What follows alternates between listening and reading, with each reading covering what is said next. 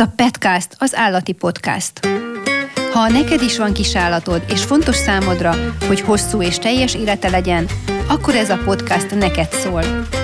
A nevem Hajman Éva, újságíró vagyok, és a Petcast házigazdája.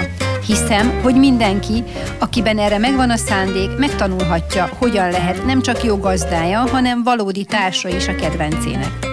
Ebbe a műsorba olyan szakértő vendégeket hívok, akik segítségünkre lesznek ebben, legyen szó tartásról, nevelésről, tanításról, állatorvosi vagy állatvédelmi kérdésekről. Tarts velem, ha te is úgy gondolod, hogy a felelős állattartás az ember kutya kötelessége. Az önkormányzati ebrendészetek évente mintegy 30 ezer kóborkutyát fognak be Magyarországon, a menhelyek szinte állandóan telítettek. A kutyák hatalmas szaporodási potenciállal rendelkeznek, két nem ivartalanított ebnek és utódaiknak mindössze 6 év alatt összesen 67 ezer kutyája születhet. Gondoljunk csak bele, ez egy közepes méretű város lélekszámának felel meg. A probléma kezelésének leghatékonyabb és egyetlen biztosan sikeres módszere az ivartalanítás. Ez a nem kívánt szaporulat megelőzésének leghumánusabb és világszerte alkalmazott módja, Magyarországon a kutyáknak azonban mindössze az 5-10 százaléka ivartalanított.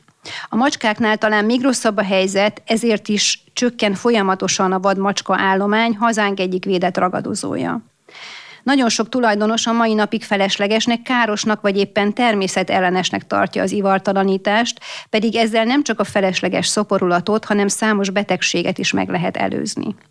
A Petkast mai adásának vendégeivel az ivartalanítás körüli hiteket és tévhiteket fogjuk sorra venni, hogy minden állattartó felelős döntést hozhasson a kérdésben. Köszöntöm a stúdióban Fodor Kinga állatorvost, az Állattorvostudományi Egyetem tanszékvezető egyetemi docensét, és Szilágyi Istvánt, a Fehér Kereszt Állatvédő Liga elnökét, a hazai állatvédelem és állatmentés egyik legismertebb alakját. Szerbusztok!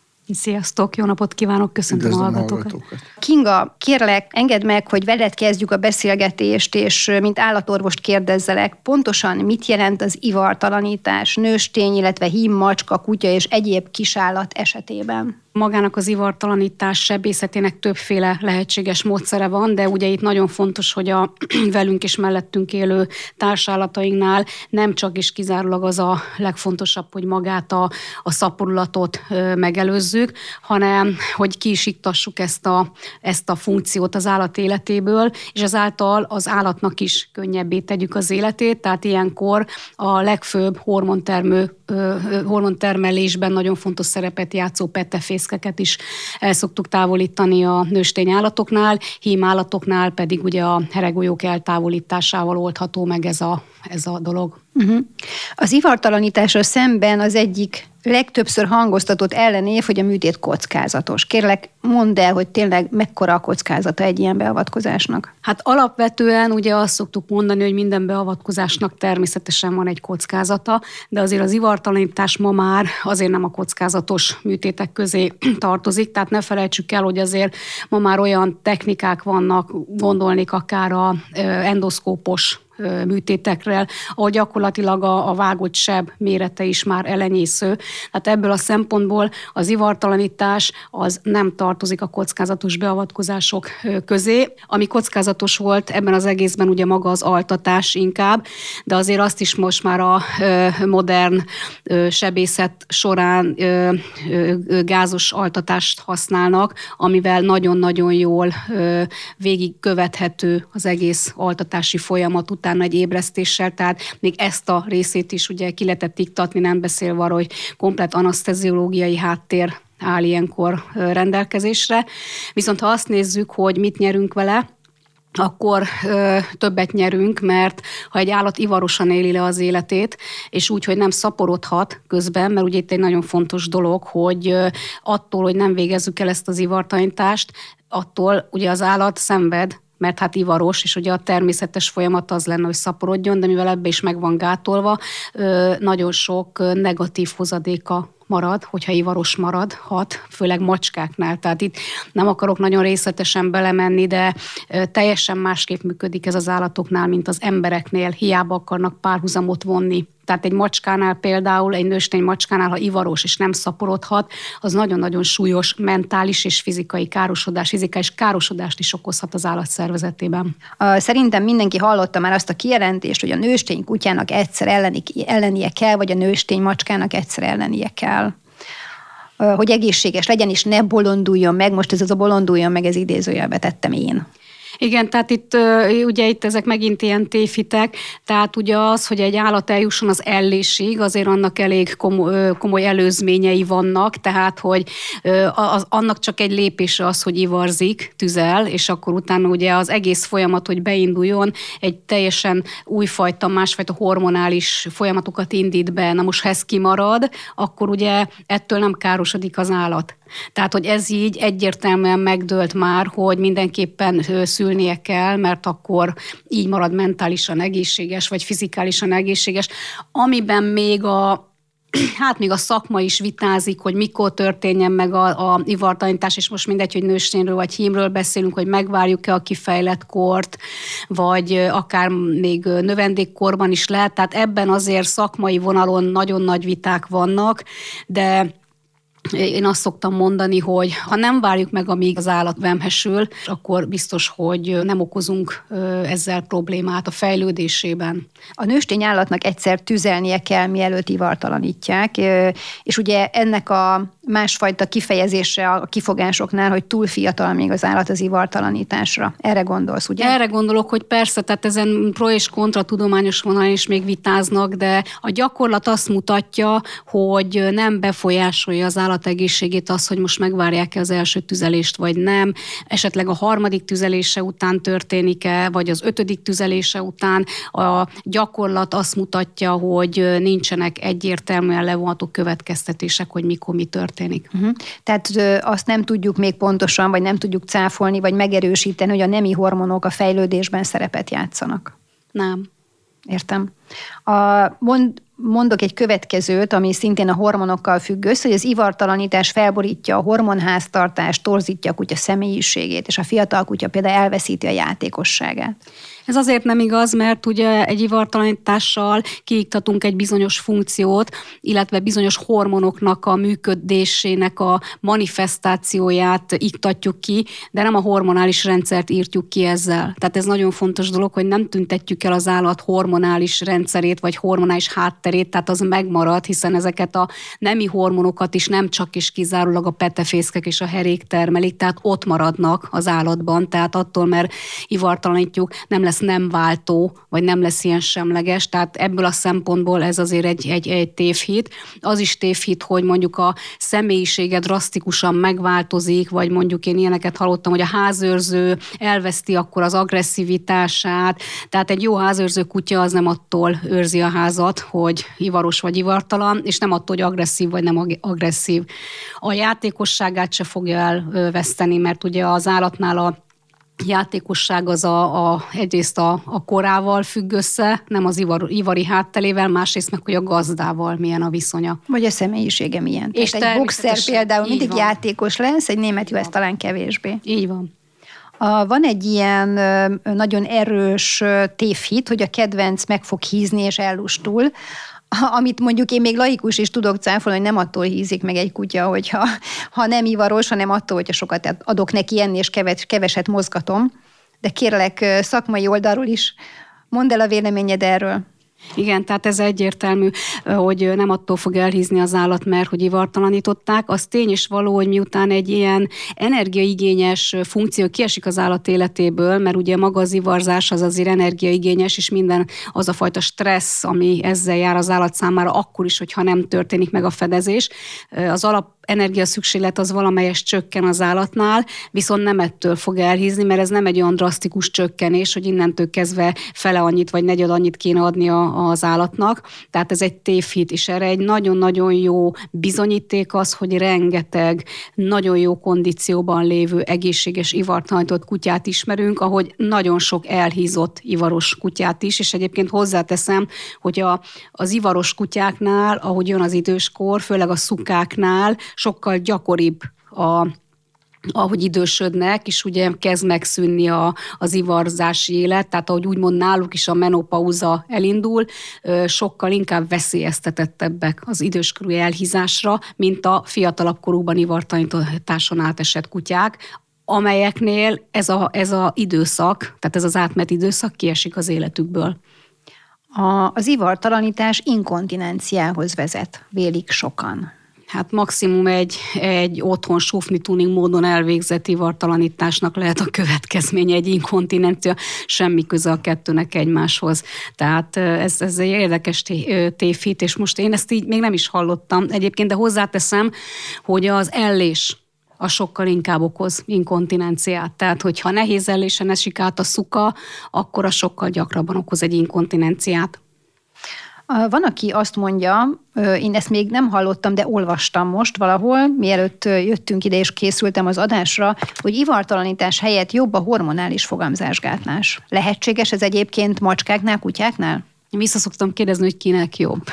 De hát tényleg... De létezik hogy... ilyen az állatoknál? Persze, természetesen létezik, csak nincs értelme mert ugye a gazdának sem kényelmes, mert rendszeresen kell ugye ezt eszközölni, ami költségekkel jár, hiszen pénzbe kerülnek ezek a szerek, másik oldalról meg az állatnak sem jó, mert na azzal aztán tényleg beavatkozunk a hormonális rendszerében. Tehát ebben az esetben nincs értelme a történetnek, hiszen itt nem az a klasszikus fogamzásgátlás történik, mint az emberek esetében, hanem egész egyszerűen meg akarjuk szüntetni ezt a funkciót az állat életéből, mert nem is akarjuk, hogy szaporodjon. Értem, tehát nem az a faj, nem úgy kell gondolni a hormonnál is fogamzásgátlásra, mint egy embernél. Nem, nem. ilyen jellegű. Nem, és olyan jellegű, hogy mondjuk rendszeres tabletta adása a szukának ilyen nincs. Tehát ilyen általában ilyen egyszeri ö, ö, adagokat szoktak, vagy ha véletlen megtörtént egy nem kívánt fedezés, akkor utána, de hát azért az, ennek megvannak a veszélyei, és óvaintek mindenkit attól, hogy a humán fogamzásgátló e, szereket, tablettákat adja be a kutyának, ugyanis nagyon súlyos gennyes mélygyulladás okozhat a kutyában, ugyanis azt embernek gyártották, ugye az embernek teljesen más a Ez eszébe jut valakinek? Sajnos a gyakorlatban megtörtént, nem egyszer. Pedig az is egy drága dolog, tehát maga a fogamzásgátló tabletta embernél nem egy olcsó mulatság, és ezt beadják állatnak. Főleg, hogyha igen, hogyha megtörtént, mondjuk észrevették, kiszökött a szuka, és megtörtént a, a párzás, vagy kiszökött, és három nap múlva került elő, akkor, akkor volt, hogy ezt megcsinálták, és az volt a szomorú benne, hogy úgy, néz, úgy nézett ki, mintha tényleg hatásos is lenne, mert tényleg nem, nem hesült a kutya, csak rá fél évre, egy évre, másfél évre elpusztult egy olyan mélygyulladásba, ami utána csak a elpusztulása után egy boncolás során került, ö, derült ki, hogy egy nagyon csúlyos szepszist okozott az állatnál. Említetted, hogy ha nem kívánt fedezés történik, akkor van lehetőség azért hormonkészítmény adására, és akkor nem vemhesül, ahogy ti mondjátok az állat, tehát nem esik teherbe, ahogy én mondom. De gondolom ez is csak nagyon ritkán ajánlott, tehát ez, ne, ez sem jó, ha ez egy rutin dolog. Hogy nem kiszökött ez... a kutyám, láttam, hogy...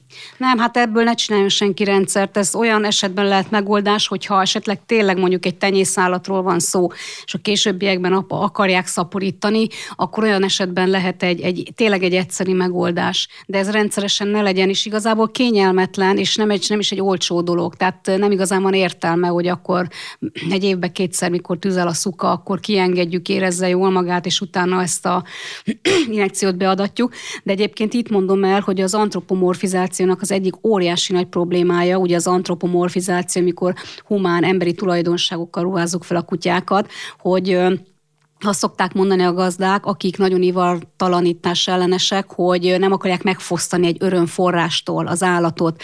És akkor én még vissza szoktam kérdezni, hogy milyen örömforrás az az állatnak, hogy ivaros, érzi a környezetében a feromonokat, az illatokat, de be van zárva. Tehát ez nem egy, tehát gyakorlatilag nem tudja úgymond ezt az örömforrását kiélni, sőt, ez egy, egy kínzó állapotot okoz nála, ahogy említettem, ugye bizonyos fajtáknál, macskáknál, vadászgörékneknél nagyon súlyos betegségek betegségeket is okozhat, hogyha nem történik meg a, a párzás. És a másik, hogy viccesen meg el szoktam mondani, hogy hát ugye a kutyáknál, macskáknál nem úgy történik ez az egész, hogy a kutyafuttatóban összenéznek, és akkor meg, egyik megtetszik a másiknak, és akkor flörtörés, aztán elhívják egymást egy, egy pecsenye vacsorára, utána meg a gazdák megismerkednek, és akkor beteljesül a szerelem Tehát ugye ez a fajta szerelem, mint ami nálunk embereknél van, ez nincs az állatoknál. Az állatoknál, amikor tüzel, akkor egy nagyon-nagyon erős szaporodási ösztön lép fel náluk, amit, amit mindenképp ö, ki akar elégíteni, és onnantól kezdve aztán teljesen mindegy neki, hogy kivel ö, ö, párzik. Tehát ez egy ösztönfunkció, tehát nem lehet összefüggésben hozni az emberrel, tehát attól, mert ivartalanítjuk, nem, hogy megfosztjuk egy örömforrástól, hanem egészen poszt, pontosan segítünk neki abban, hogy könnyebb legyen úgymond az élete, hiszen nem tudja ezt az alapigényét, alapösztönét kielégíteni, biztosítani, mert nem engedjük, hogy pározzon, és utána pedig szaporodjon. Ez nőstényekre és hímekre egyaránt vonatkozik. Ez az erős ösztön, amit ki akarnak élni, tehát ezért szöknek ki a kutyák, legyen szó nőstényekről, hímekről, akár a macskák is ugye mennek. És... Hát hogy ne, természetesen, és utalnék ugye a kan, kan kutyákra, mert nagyon sokszor azt szokták mondani, ugye a, a nőstényeknél még oké, okay, ivartalanítsuk, mert, mert tényleg nehéz megfogni, meg ha véletlenül megesik, akkor mit csinálunk a kiskutyákkal. Tehát arra sokkal, vagy macskákkal sokkal inkább hajlanak az emberek. A kanduroknál és a kanoknál szokott lenni egy nagy ellenkezés, pedig hát neki ugyanolyan szenvedést és feszültséget okoz, hogy, hogy nem élheti ki ezt az ösztönét. Ezt jó, hogy mondtad, mert akik tartanak például nőstény állatot is, meg hímet is, ott sokszor ez a, ez a mondás, hogy én a nőstényt ivartalanítottam, minek akkor a hímet nem jelent veszélyt.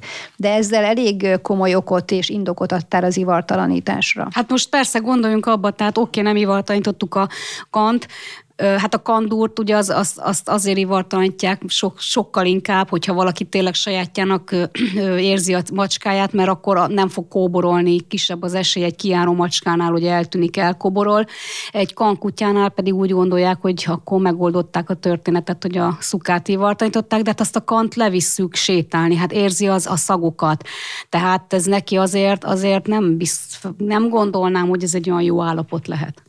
A, ugye akkor ezzel ki is lőttük azt a, azt a ö, nézetet, amikor azt mondja valaki, hogy én figyelek a kutyámra, nem fog párzani. Hát igen, ez egy jó, persze figyelek a kutyámra, oké, de most nézzük a kutya oldaláról, tehát őt ez pont egyrészt nem érdekli. Másrészt meg az egy kertbe tartott kutyánál ez a figyelek rá, azért ez nem olyan egyszerű történet. Rengeteg olyan példa van, hogy persze figyeltünk a kutyára, de hát miért, miért hízik ilyen gyorsan, és akkor hoppa nem hízik, hanem vemhes. Hát ez hogy történhetett? Hát gyakorlatilag léckerítés van.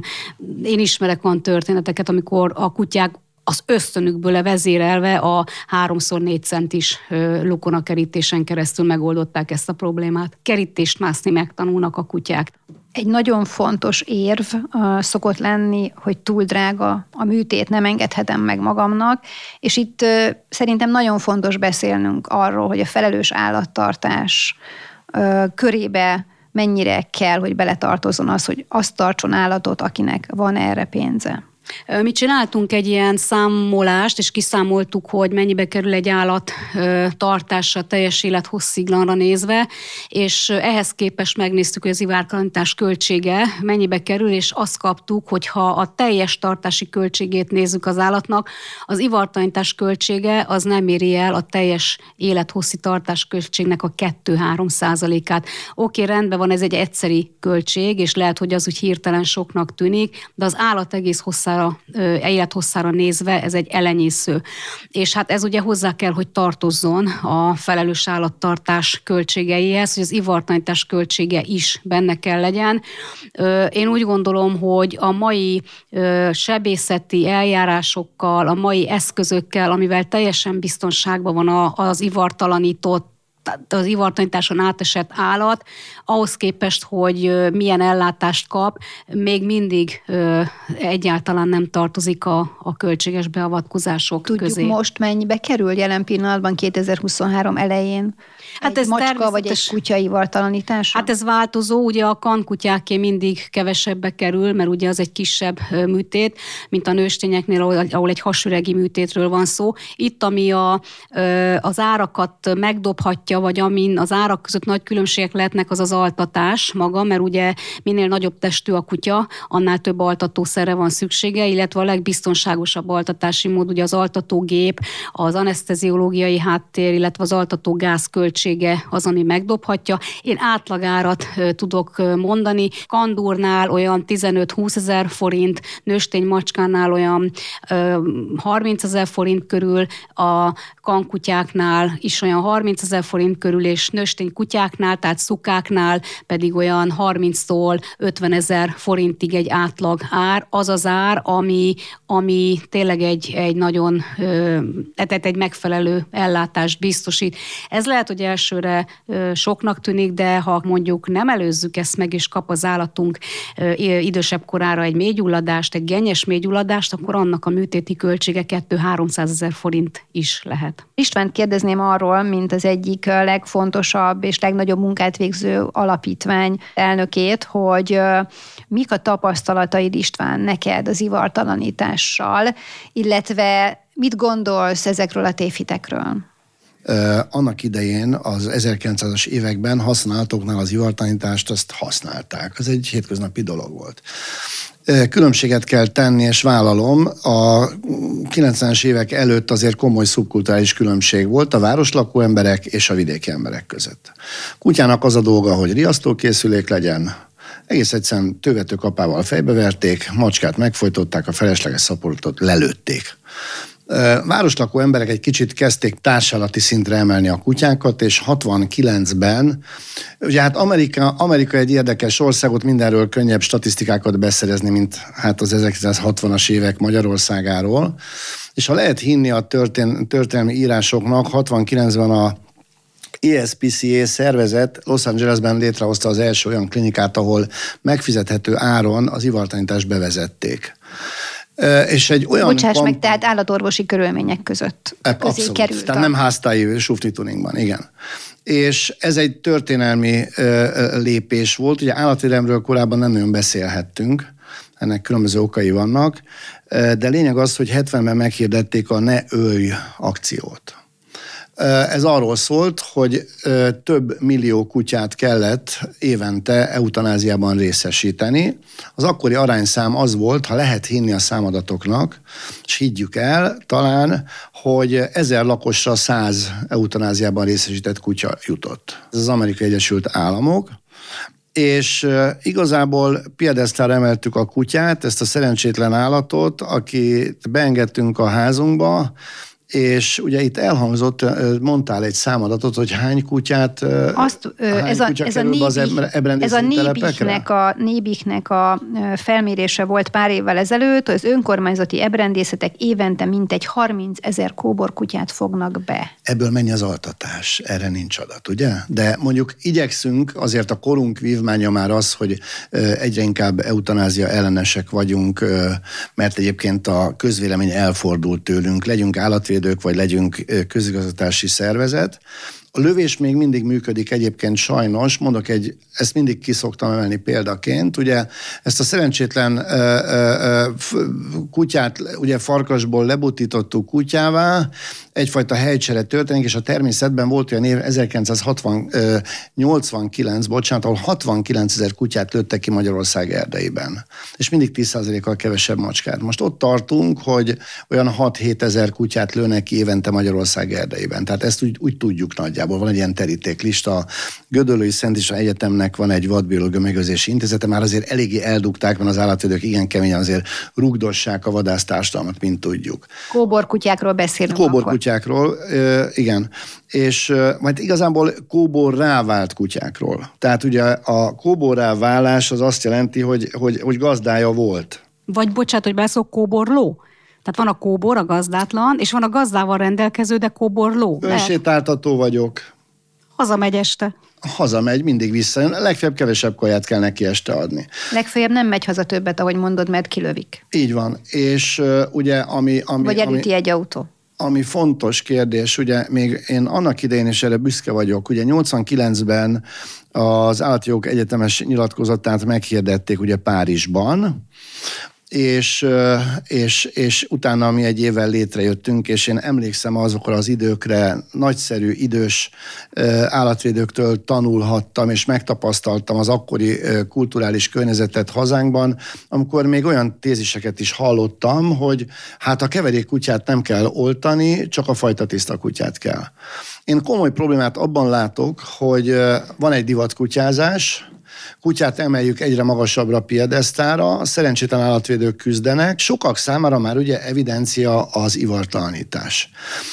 Élünk egy hímsoviniszta társadalomban, már bocsánat férfi társaim. Én nekem van nagyon kedves ismerősöm, aki, aki egy nagyon intelligens ember, és ő abszolút elvetti az ivartalanítást. Ez micsoda dolog. Mert azonnal ez az antropomorfizálás visszahat, átérzi azt, hogy hát gyakorlatilag, mintha ő lenne az. Egyrészt én sok esetben kötelezővé tenném. Ugye van egyfajta tenyésztés Magyarországon, van egy szaporítás is. Alom hegyeket adnak el, és nem mondom ki a fajta nevét, de imádó klubja, és látom azt, hogy egyszerűen 6-8 kölyöknek nincs gazdája.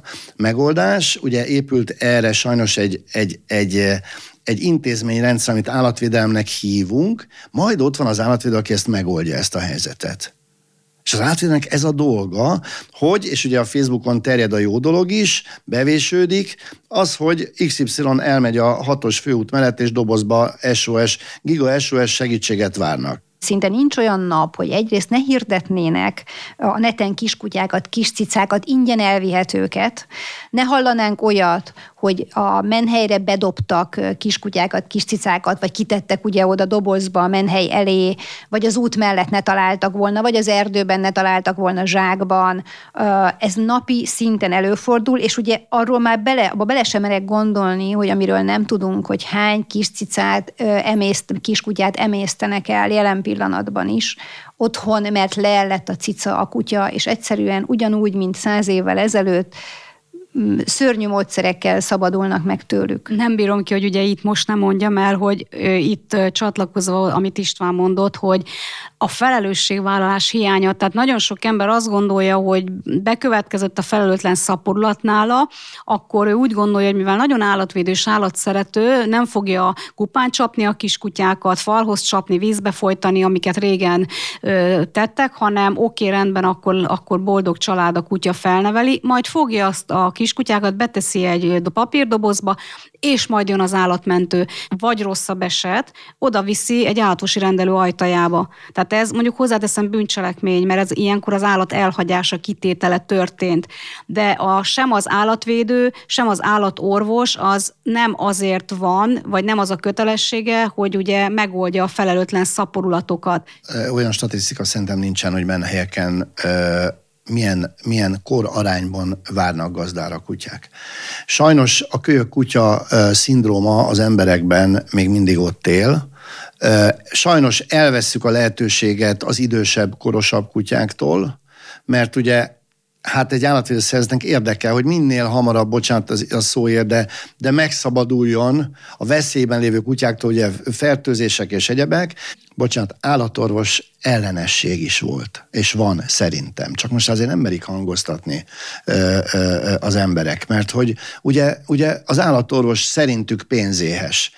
Elvárják az államtól, hogy az állam ivartalanítson. Miért, könyörgöm, miért várom el azt? Nem kellene kutyát tartanom? Tehát a állattartás egy luxus. Tehát mi alapján várja el bárki, hogy az ő hobbiát, az állattartás költségeit a kutyát, meg állatot nem tartók adójából fedezzük. Egy példa, is sokan megértik, hogy, hogy én miért vagyok egy kicsit vehemens. Volt nagyon sokáig egy, egy, egy, egy ivartanítási akciónk. És amikor azt látom, hogy egy 25 milliós terepjáróból tesznek ki egy nagymamát, mert szeretnék ivartanítatni a kutyát, tehát ezzel is azért komoly problémák vannak megkeressük azokat az okos utakat, ahol a szerencsétlen állatvédő meghirdet egy, egy, egy ivartanításos kampányt.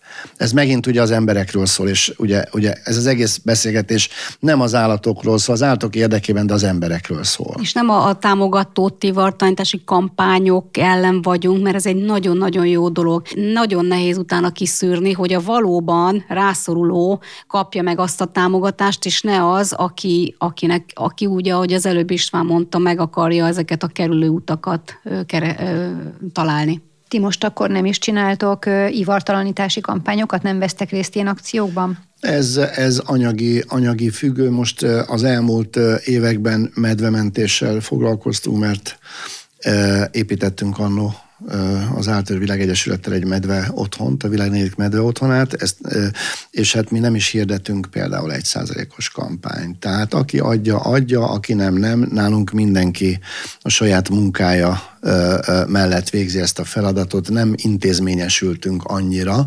Ha van örökségünk, ami esetleg az élet adja, mert vannak régi, régi ezüstkorú támogatóink, akik úgy döntenek, hogy nekünk adományoznak, abból természetesen ivartanítási kampányt hirdetünk, és most egyébként készülünk egy ilyen ivartanítási kampányra. Egyébként évekkel korábban nagyon sok állatvédő Hát már nem túl hálás állatvédő szervezetnek igen sok pénzt adtunk annak idején ivartanításra amikor hozzáteszem olcsóbb volt. Tehát ezzel is számolni kell. Itt a Kinga elmondta, és az emberek azt nem fogják fel, hogy egy kerületben van 14 ezer forintos hivartanítás is, és van 28 ezer forintos hivartanítás is.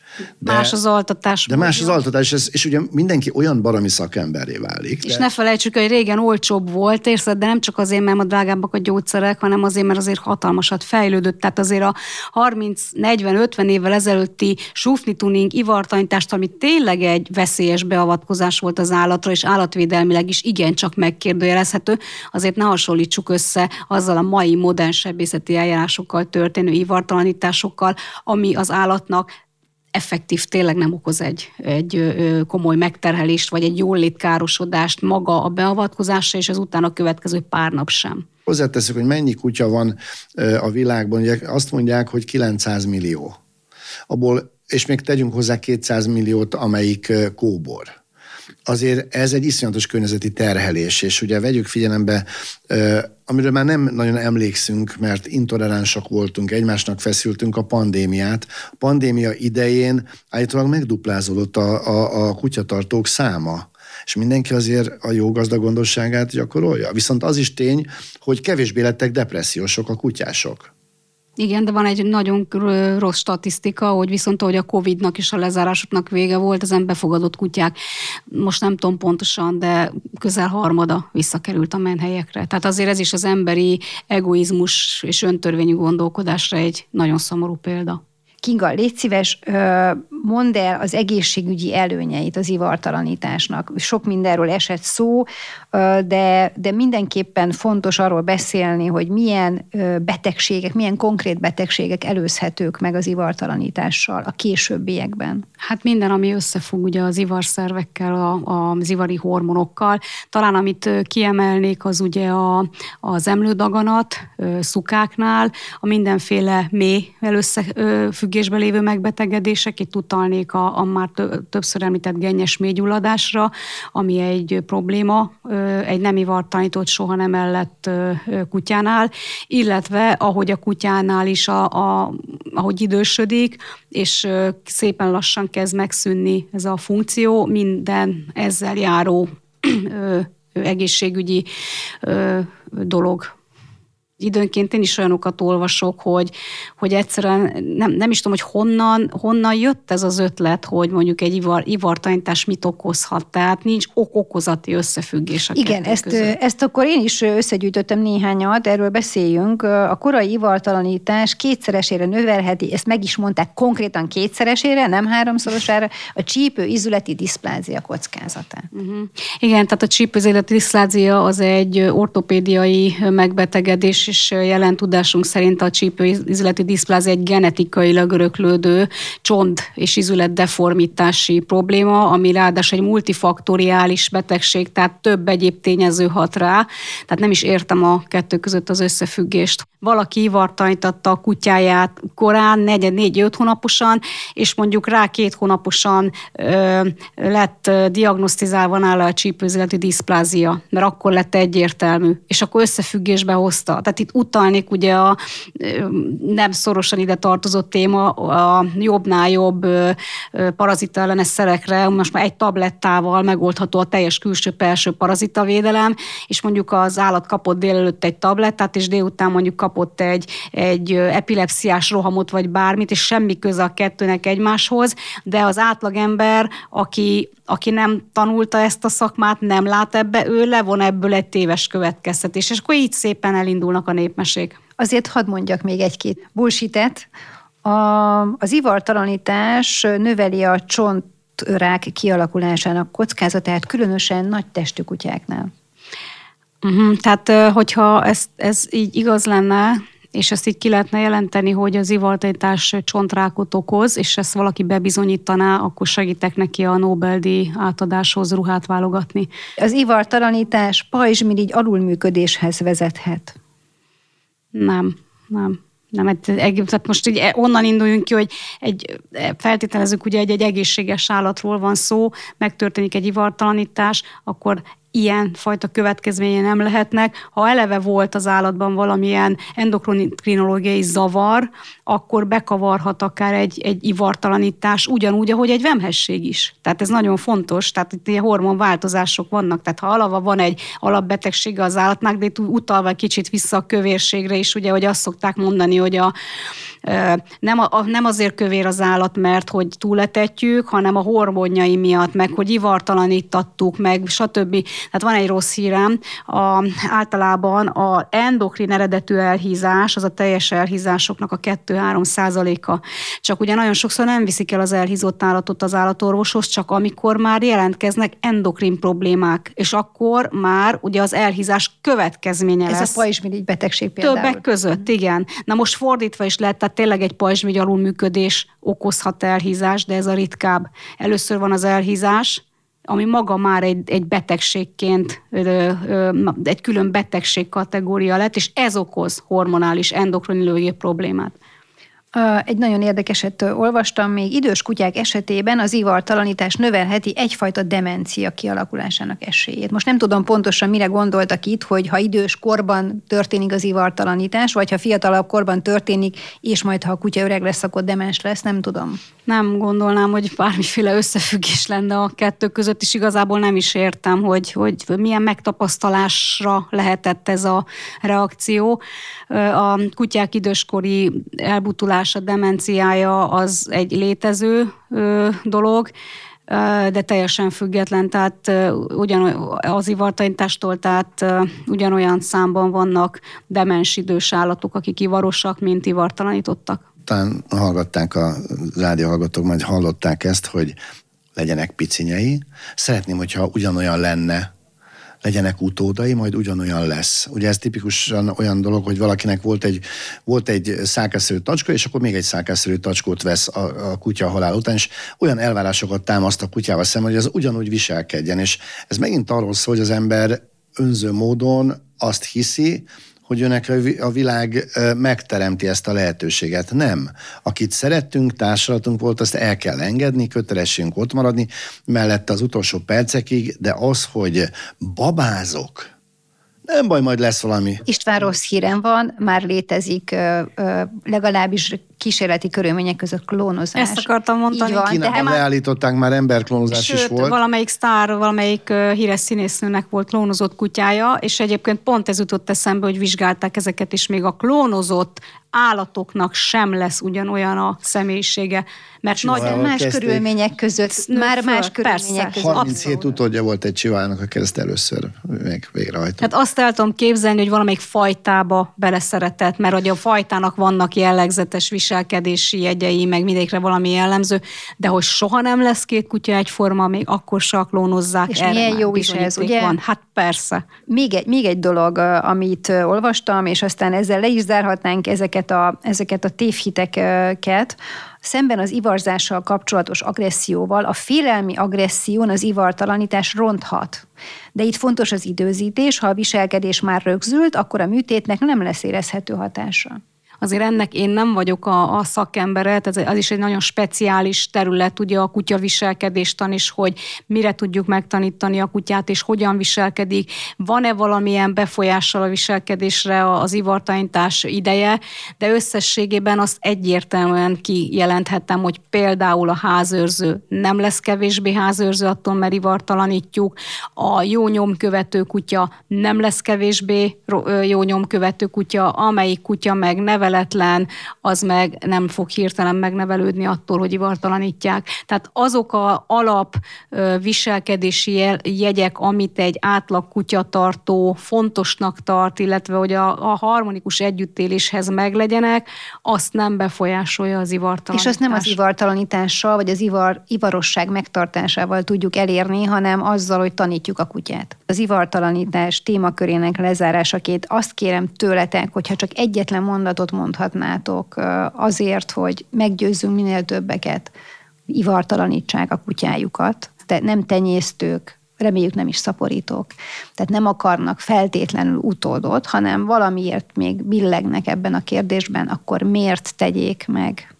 Én azt szoktam erre mondani, és egy kicsit utalva arra, hogy sokan azt mondják, hogy nem ivartánytanak, mert természetellenes ez a dolog, hogy alapvetően egy természetellenes módon tartjuk a kutyánkat egy lakásban tartunk egy kutyát, hozzánk van kötve, függ tőlünk, abszolút természetellenes életmódot kell éljen, hiszen nem szaladgálhat, ebben a természetellenes életmódban, amiben tartjuk a kutyát, próbáljunk meg olyan körülményeket biztosítani a számára, amivel a legjobbá tehetjük az ő életét, az ő jólétét, és ebben az esetben az ivartalanítás is az egyik megoldása lehet ennek.